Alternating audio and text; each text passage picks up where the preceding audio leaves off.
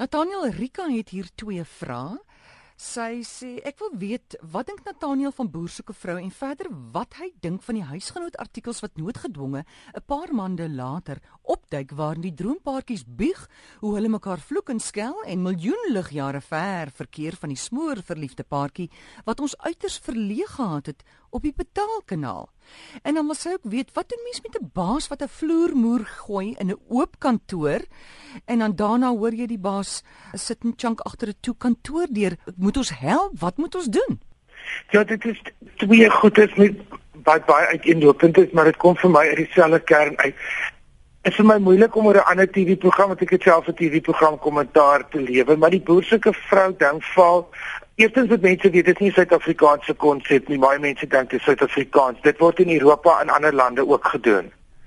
Onder andere in Holland en so dit is ons is maar net een van die lande wat dit doen. Dit is nie 'n Suid-Afrikaanse konsep nie. Maar ehm um, dit gaan vir my oor die hele feit van ek kyk glad nie realiteitstelevisie op enige level nie. Daar is vir my uh ek het 'n probleem met mense wat nie die konsep van privaatheid verstaan nie. Iets op aarde moet jy nog privaat hou.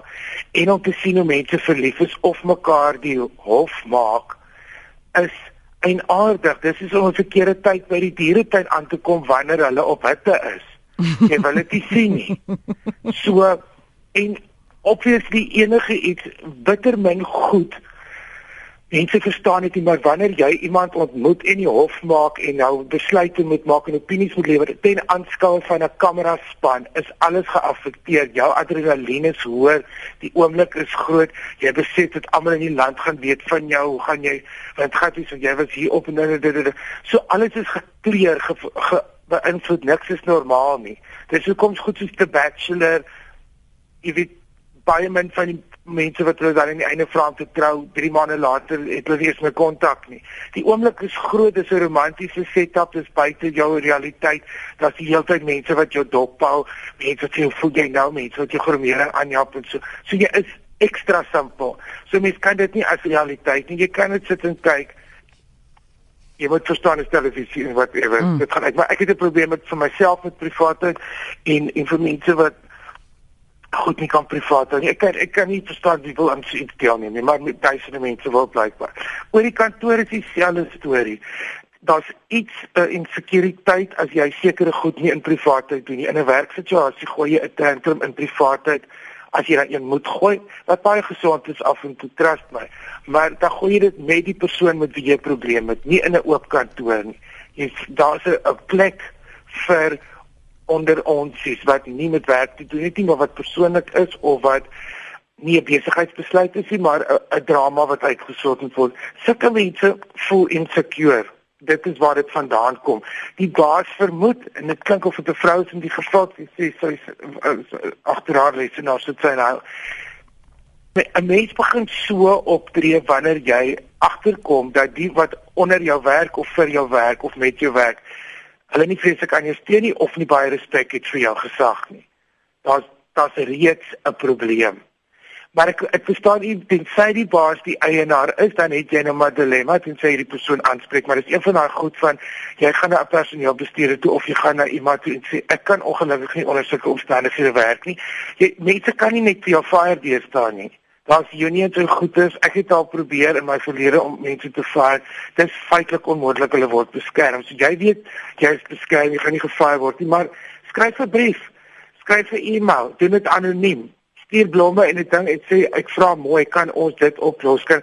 Maar omdat jy so baie tyd by 'n kantoor spandeer by jou werkplek, moet dit 'n gelukkige plek wees. Anders is dit ongesond. Ongesond maak vir ons siek. Baie mense is ook luit regtig in restaurante baie onbeskof met waiterspad kliphard as hulle by 'n vliegtuig inklim.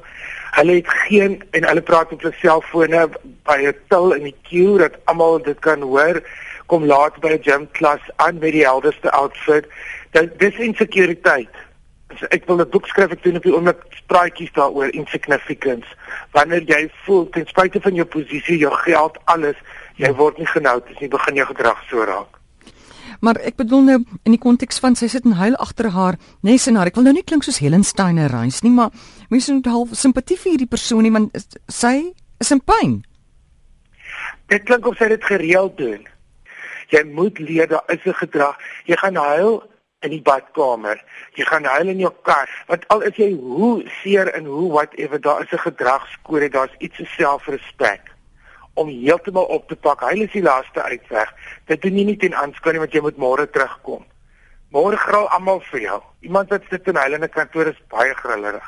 Dit is nie as jy nou nuus gekry het oor familielid wat oorlede is, dis iets anders. Maar as dit 'n gewoonte hmm. is en dis as gevolg van die werksituasie, dan is daar 'n probleem. Ek het glad nie simpatie met sulke goed in 'n werksituasie. Die bloot hierdie feit dat dit ongemak mm. en spanning veroorsaak en môre is die energie ongebalanseerd want enige iemand verwag 'n ontploffing enige tyd.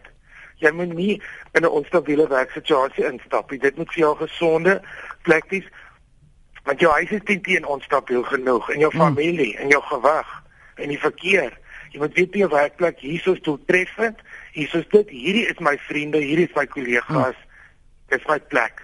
Dit gaan oor balans en en sulke goed. Ek het nie ek simpatie met sulke goed. Iemand met die persoon uithelp, gee vat tissues, troos uit die eerste keer. Gee vat druk jy as jy sag is dit weer gebeur as jy dood. Daar's mense wat geen kleppe het nie in in in mm. sosiale gedrag nie. Hulle leer dit vir hulle kinders ook. Hulle beklei met mekaar kliphard tussen die rakke in 'n winkel op 'n Sondagmiddag. Hulle het geen respek vir die wêreld nie. Dit maak dit vir die res van ons onuitstaanbaar om jou huis te verlaat. Rescue Remedy, ken jy dit? Ja, ek sit sakke vol onder my tong en 'n klein vliegtuig het help niks. Hoe ek wou hierdie persoon 'n rescue remedy aanbeveel. Goed. Rescue remedy, ja, kan jy kan sê ietsie daar op so, maar ek nie daar's altyd 'n oorsaak, hy is net 'n simptoom. Daar's 'n oorsaak en dis die ding wat opgelos moet word.